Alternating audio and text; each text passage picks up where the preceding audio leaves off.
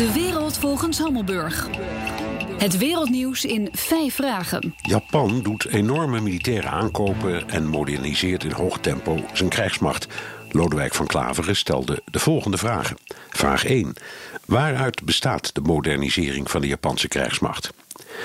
Twee kleine vliegtuigschepen voor helikopters worden omgebouwd tot drijvende startbanen voor 35 nieuwe verticaal of bijna verticaal stijgende en dalende F-35 gevechtsvliegtuigen.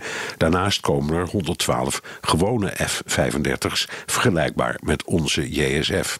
Alleen dat al kost tussen de 10 en 15 miljard euro. Dan komen er ook nog twee compleet nieuwe Aegis afweerraketsystemen. Allemaal Amerikaans materieel maar Japan werkt ook aan een eigen gevechtsvliegtuig. Vraag 2. Wat moet Japan met al dat materieel? Japan wil zich wapenen tegen de snel groeiende Chinese krijgsmacht en de gestage inname van de eilandjes in de Zuid-Chinese Zee. En de Japanners zijn als de dood voor Noord-Korea. De omgebouwde vliegtuigschepen krijgen posities op strategische plekken in de oceaan.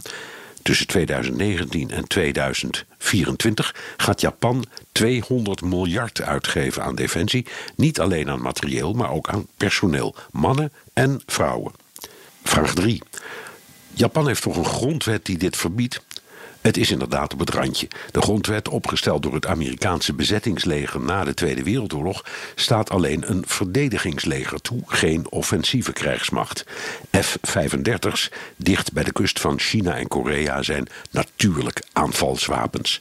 Japan zegt zelf dat het binnen de marge van de grondwet valt, maar ik zou zeggen, het valt er ruim buiten. Dat is trouwens ook wat premier Abe al jaren wil. Vraag 4. Hoe staan de Amerikanen hier tegenover? Volgens mij vinden ze het prima om twee redenen.